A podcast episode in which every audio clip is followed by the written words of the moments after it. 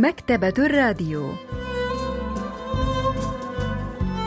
أهلا وسهلا بكم في حلقة جديدة من البرنامج الأسبوعي مكتبة الراديو الذي نستعرض من خلاله كتابا جديدا كل أسبوع.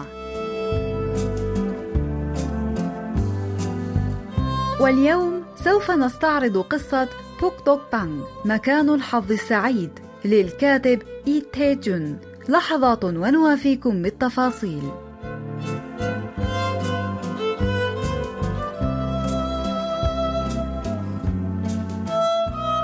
نشرت قصة بوك توك بانغ مكان الحظ السعيد للكاتب إي تي جون عام 1937 وتدور القصة حول الشخصيات الرئيسية الثلاث السيد أن والسيد صو والسيد باك هي وان. وتتخذ القصة من مكتب وكالة عقارية في سيول مكانا لها. وكان مدير المكتب السيد صو مسؤولا عسكريا في أوائل عشرينيات القرن الماضي. لكنه أصبح عاطلا عن العمل بعد استعمار القوات اليابانية لكوريا ففتح وكالة عقارية لكسب العيش. أما السيد أن فكان قد خاض عدة تجارب عمل فاشلة. أما باك هي وان فكان يدرس ليصبح كاتبا في المحكمة.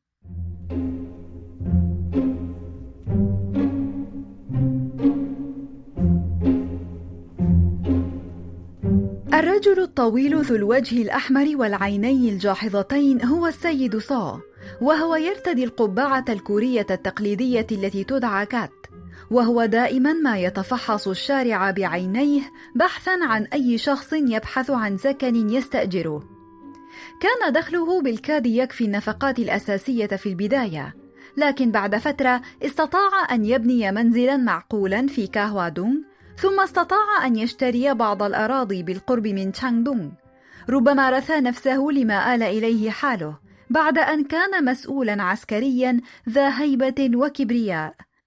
ربما شعر بالأسى وهو يتأمل كيف تدهور به الحال حتى أصبح مجرد وكيل عقاري. يجب عليه أن يتعامل حتى مع بائعات الهوى وذوي الحيوات الوضيعة الذين يبحثون عن سكن يستأجرونه. قال لنفسه لا فائدة من التفكير في الماضي. لا يزال أمامي سنوات يجب أن أعيشها. قرر أن يمضي ما تبقى له من العمر وهو يضحك. كان أحمق إلى حد كبير على أي حال لكنه بدأ مؤخرا في إلقاء الدعابات. لا عجب أن رجلا بشخصية كشخصيته كثيرا ما كان يتصادم مع السيد أن الذي كان يدمج كلمة اللعنة في كل عبارة من عباراته. سأله السيد صا هل تريد أن تشرب شيئا أيها الجبان؟ قال السيد أن لا لا أريد شرابك اللعين. غضب السيد أن لأنه ظن أن السيد صا يحقر من شأنه. سأله السيد صا هل تظن أن المقامرة ستعيد والدتك إلى الحياة؟ عندما قلب السيد صو البطاقات بأصابع قدمه احتقن وجه السيد أن بشدة. ثم زفر في غضب وخرج من الحجرة غاضبا. أما السيد باك هي وان الذي كان ابن شقيقته يعمل في المحكمة فكان منكبا على الدراسة على أمل أن يعمل كاتبا في المحكمة لكنه لم يحصل على رخصة ممارسة العمل بعد. كان هؤلاء الرجال الثلاثة يقضون جل أوقاتهم في وكالة سيد صو العقارية. البروفيسور بانغ مينو أستاذ الأدب الكوري بجامعة سيول الوطنية يحدثنا عن ذلك 이태준이 쓴 단편 소설들, 장편 소설까지 포함해서도 قصة بوك بانغ مكان الحظ السعيد هي واحدة من أهم أعمال لي تيجون تاريخيا. فكل الشخصيات تعود إلى أواخر عصر جوسون في أوائل عشرينيات القرن الماضي قبيل الاستعمار الياباني. وقد كان السيد آن يعمل لحساب الحكومة بينما كان السيد سو مسؤولا عسكريا. لكن مرور الوقت غير نظام مملكة جوسون فحل محلها الاستعمار الياباني والنظام الرأسمالي. وهكذا أصبح الناس الذين كانوا يعملون ضمن النظام القديم عاطلين عن العمل وصار عليهم البحث عن طرق جديدة للاستمرار في العيش في ظل النظام الجديد. وهم أناس أرادوا الحفاظ على نظام حياتهم القديم ومستوى المعيشة الذي اعتادوا عليه. لكن العالم الجديد لم يكن ليسمح لهم بذلك. والرواية هي قصة حزينة تصف لنا تشبث هؤلاء الرجال الثلاثة بمكتب الوكالة العقارية وبحثهم المضني عما يمكنهم من الاستقرار في العيش لما تبقى لهم من سنوات لكن كيف كانت الوكالات العقارية في ثلاثينيات القرن الماضي؟ الناقدة الأدبية تون سو يونغ تحدثنا عن ذلك.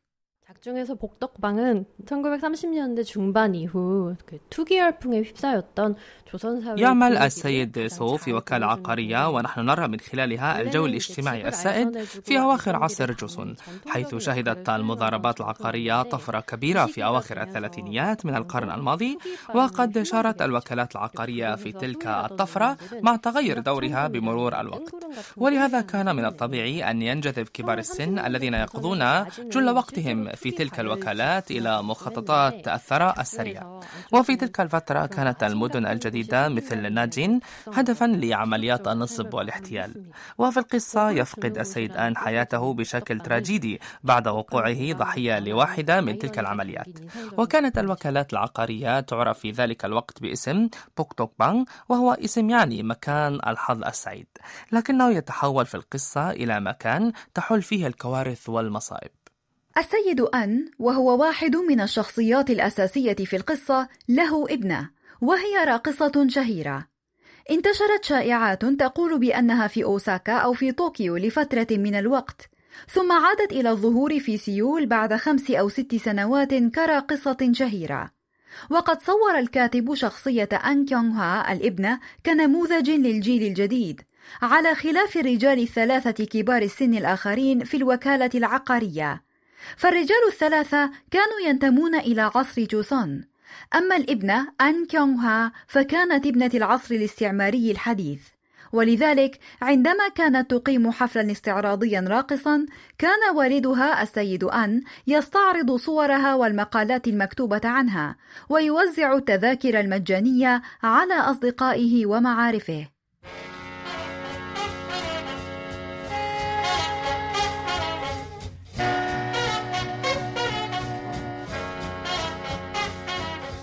سأله السيد صا هل هذه الفتاة التي تهز رجليها في المنتصف هي ابنتك؟ كان الجميع يشاهد في صمت أما السيد صا فسأل في لهجة مستنكرة وكأنه شاهد شيئا بالغ الغرابة. قال السيد أن يقولون إن الراقصين في الدول المتحضرة يكشفون أجسادهم أكثر من غيرهم. وبهذه الإجابة تجنب السيد أن أي أسئلة إضافية. قال السيد صا هذا أمر عجيب. كيف تكشف رجليها هكذا أمام الجمهور الذي يضم الكثير من الرجال؟ في شبابي لم يكن الشاب الأعزب يستطيع أن يتحكم في نفسه إذا رأى شيئا كهذا. صاح السيد أن أيها المنحرف تصرف بما يتناسب مع سنك. شعر السيد أن بالغضب.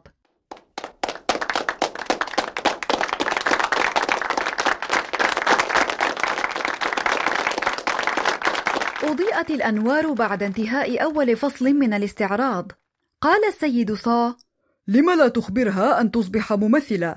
فالممثلات لا تكشفن أفخاذهن هكذا على الأقل. قال السيد أن. لم تتدخل في شؤون الآخرين؟ ماذا تعرف عن الرقص؟ كل ما تعرفه هو قياسات الغرف والمنازل. إذا كنت لا تريد أن تشاهد العرض فانصرف. قال السيد صا وما أدرك أنت بالرقص؟ يا لك من أحمق. غضب السيد صو بشدة من السيد أن لأنه اتهمه بالجهل ولم يظهر السيد أن في الوكالة لمدة شهر تقريبا بعد ذلك الشجار 예술도 예술의 개념이 변해가는 것을 바로 그 장면을 통해서 볼 수가 있어요. 어, 극장에 가서 무용을 공연을 본다. يرينا هذا المشهد تغير مفهوم الفن في ذلك الوقت. فكان الذهاب لدار العرض لمشاهدة عرض راقص أو فيلم هو أمر جديد تماما في أوائل القرن العشرين. ولذلك نرى الشخصيات التي تنتمي للعالم القديم يدخلون العالم الجديد بثقافته الجديدة ويتشاجرون حول الأشياء التي لا يستطيعون فهمها. والمشهد يصف الجدال الذي يدور بين أب يدعم ابنته رغم جهله بالفن الجديد والسيد سو الذي لا يهتم مطلقا بالفن وفي واقع الأمر لم يكن السيد أن مسرورا بسلوك ابنته. كانت تكسب الكثير من المال وتسافر باستمرار لكنها لم تكن تتقاسم أي من أموالها مع والدها بل كانت تستغل ذلك المال في شراء أشياء كالجرامافون أو تستثمرها في شراء مبنى أو ما شابه. قال السيد أن لقد كاد سروالي يتمزق. أظن أنني أحتاج إلى قميص آخر أيضا. قالت أن كيونغ ها سوف أشتري لك واحدا قريبا. أجابته بسرعة بلا تردد لكن السيد أن لم يرى ذلك القميص الجديد حتى بعد حلول الشتاء. ولم يكن هذا كل شيء بل لم تعطه ابنته مالا كافيا لإصلاح نظارته حتى. قالت ماذا تعني بأنك لا تستطيع إصلاح نظارتك بخمسين جون؟ هل أنت في وضع يسمح لك باشتراط الجودة فيما تختار يا أبي؟ رد قائلا حسنا أنا أنا أنا أدفع ثلاثة وون وثمانين جون شهريا من أجل التأمين الخاص بك فقط وما شأني أنا بهذا؟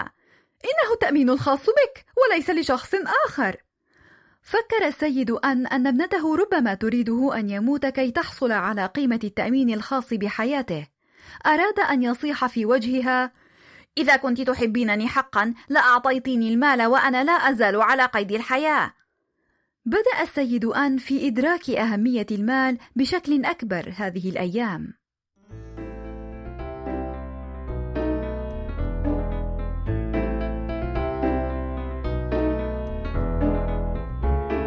فكر السيد أن سيكون العالم رائعا حقا لو توفر لدي الكثير من المال. كل ما كان يراه كلما خرج للتريض قليلا هو مبان جديدة عالية ومنازل جميلة. كان كلما تشتت انتباهه قليلا سمع صوت أبواق السيارات الأنيقة اللامعة كسمك سلور خرج من الماء لتوه. وكان إذا استدار رأى سائقا يرمقه في غضب بينما جلس سيده السمين في مقعد الركاب في الخلف وعلى وجهه ابتسامة ساخرة. قال بينه وبين نفسه سأكون في الستين من عمري قريبا اللعنة. كان السيد آن ساخطا بسبب تقدمه في العمر. كان يريد أن يتملك عشرة آلاف وون على الأقل وأن يبدأ حياته من جديد. راح يتساءل بينه وبين نفسه عن جدوى المنازل الفاخرة والسيارات والطائرات. ما فائدة كل هذا له الآن؟ سوف تنقطع صلته بالعالم تماما بمجرد أن ينفد ما معه من مال. عندها سيكون كالجثة لا أكثر. لطالما سأل نفسه ذلك السؤال ماذا يستطيع أن يفعل؟ لم يكن أمامه أي طريقة لكسب المال لكنه كان واثقا أنه يستطيع أن يكسب الكثير إذا واتته الفرصة المناسبة. 안초 씨는 다른 노인들에 비해서 과거를 가장 그리워하고 또 돈에 대한 강렬한 집착을 보입니다. يفتقد السيد آن العصر القديم ويعني تشغله مسألة جمع المال أكثر من أصدقائه وهو أمر مفهوم لأنه يعيش على المال الذي تنفقه ابنته وليس لديه أي مصدر آخر للدخل والطريقة الوحيدة التي يستطيع فيها أن يحقق الاستقلال المادي في العصر الحديث الذي تديره الرأسمالية هو أن يحصل على ثروة غير متوقعة وهوس السيد آن بال المال يشبه صرخة يائسة يطلقها شخص منبوذ مستضعف في مواجهة عالم قاس ظل السيد أن يقضي أغلب وقته في وكالة سيد صو العقارية وهو يحلم بالثراء السريع قبل أن يتقدم به العمر أكثر من ذلك. ثم أبلغه السيد باكي وان بمعلومة مذهلة. قال السيد باكيوان إنه سمع من أحد المسؤولين الحكوميين أنه من المخطط إنشاء مدينة ساحلية جديدة بمساحة مدينة نادين على ساحل البحر الأصفر. شعر السيد أن أن رأسه تؤلمه. إذا صح ذلك الأمر فسوف يجني المستثمرون الأوائل أرباحا طائلة. لقد تضاعفت أسعار الأراضي في نادين أكثر من مئة ضعف بعد انتشار شائعات عن افتتاح ميناء وبعد ثلاثة أو أربعة أعوام بلغت أسعار بعض المناطق فيها أكثر من ألف ضعف السعر الأصلي راح السيد أن يحلم بالثراء وأقنع ابنته بالاستثمار في مشروع عقاري أغراها حلم الأرباح الطائلة فوضعت المبنى الذي تملكه تحت سيطرة شركة ائتمانية واقترضت المال مقابلها. شعر السيد أن بسعادة غامرة لتفكيره في الثراء الوشيك.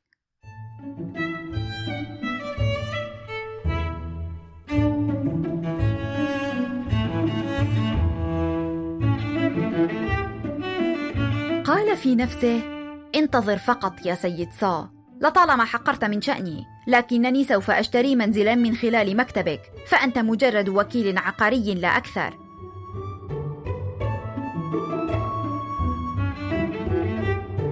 لكن حتى بعد مرور عام كامل لم يتم بناء الميناء المزعوم ولم ترتفع أسعار الأراضي أيضا. واتضح أن الرجل الذي مرر المعلومة الكاذبة للسيد باك فعل ذلك عمدا كي يبيع منزله بسعر أعلى مما يستحق. عندما اكتشف السيد أن الحقيقة فقد شهيته تماما ولم يستطع أن يعود إلى المنزل ليواجه عائلته. كان الشخص الوحيد الذي واساه في مصيبته هو السيد صا الذي راح يصطحبه إلى مختلف المطاعم ليطعمه وحرص على مرافقته كل يوم. أسرع السيد صا صباح ذلك اليوم أيضا إلى مكتبه كي يقضي يومه بصحبة السيد أن.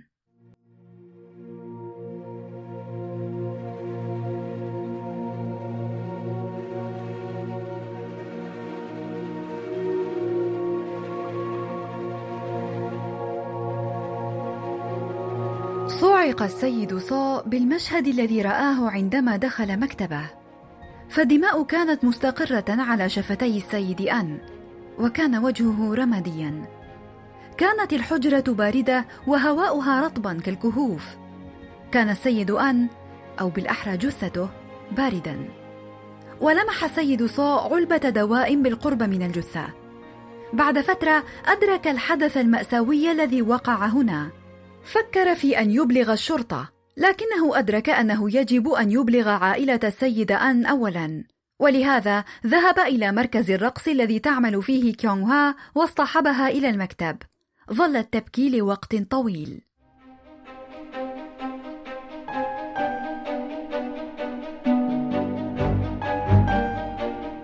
قال السيد صا يجب أن نخطر السلطات. قالت لا أرجوك لا. ولماذا؟ لدي سمعة يجب أن أحافظ عليها. سمعة؟ هراء.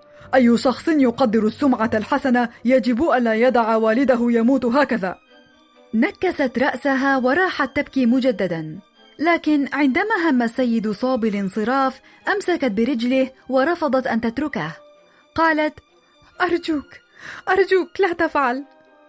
إذا احتفظت بالأمر سرا هل ستفعلين ما أقوله لك إذا؟ وهكذا عقد السيد صو اتفاقا مع كيونغها. فقد كان يريدها أن تنفق أموال التأمين الخاصة بالسيد أن على جنازته.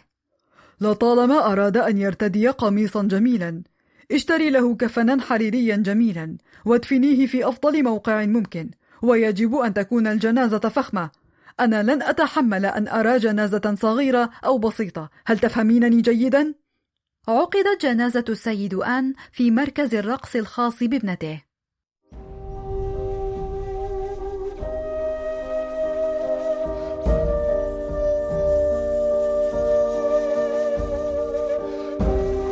ذهب السيد صو والسيد باك وان إلى الجنازة ثملين تماما. وعندما أخبر السيد باك السيد صو أنه رهن بعض أغراضه ليحصل على مال ليقدمه لابنة السيد أن أثناء العزاء أخبره السيد صو أنها لا تحتاج إلى أي مال لأن ما لديها من مال يكفي لتغطية نفقات الجنازة وأكثر. فذهب إلى حانة ليشرب الخمر بدلا من ذلك. حضر الجنازة العديد من المعزين الذين اتسموا بالأناقة وارتدى بعضهم الثياب الرسمية. ولم يبدو عليهم أنهم كانوا يعرفون المتوفى بل كانوا ضيوف ابنته الراقصة أن كيونغ هوا كانت أن كيونغ هوا دامعة العينين وقد ارتدت ثوبا أسود على الطراز الغربي. أشعلت عودا من البخور ثم انحنت أمام النعش وتبعها أكثر من عشرين شخصا. تنحنح السيد صا كان وجهه محتقنا وبدأ أنه يريد أن يقول شيئا. أمسك بحفنة من أعواد البخور وأشعلها وعندما اشتعل اللهب نفخ فيه ليطفئه أولا قبل أن ينحني أمام النعش قال إنه أنا يا سيد أن هل تعرفت علي؟ تأمل فخامة جنازتك لم تتسنى لك الفرصة للاستمتاع بهذه الرفاهية وأنت على قيد الحياة صحيح؟ الآن لم تعد مضطرا للقلق بشأن تصليح نظارتك مجددا شعر السيد باك هي وان بثقل في قلبه. أراد أن يقول شيئا عله يخفف عن نفسه لكنه عندما وقف أمام نعش السيد أن انفجر باكيا قبل أن يستطيع التفوه بكلمة. كان الصديقان قد اتفقا على الذهاب إلى المقبرة لكنهما كرها أن يكون وسط كل هؤلاء الناس فعادا إلى الحانة من جديد.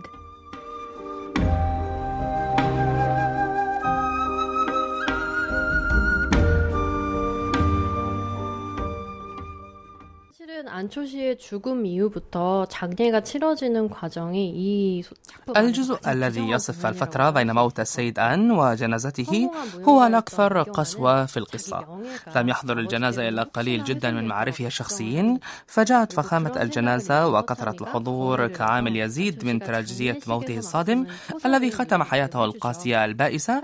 اعتبرته عملية الحداثة من مخلفات عصر انتهى. كما أن المشهد الذي يصف ذهاب الصديقين إلى الحانة بدلا من المقبرة هو مشهد يوحي بالوحدة والوحشة.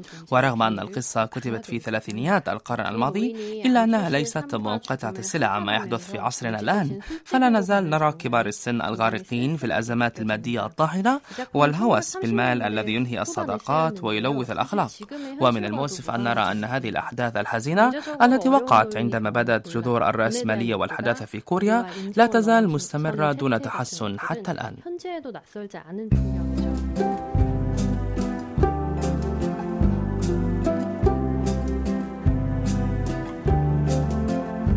استعرضنا معا قصة بوك دوك بانغ مكان الحظ السعيد للكاتب إيت تيجون وإلى اللقاء في الأسبوع القادم مع كتاب جديد ومبدع جديد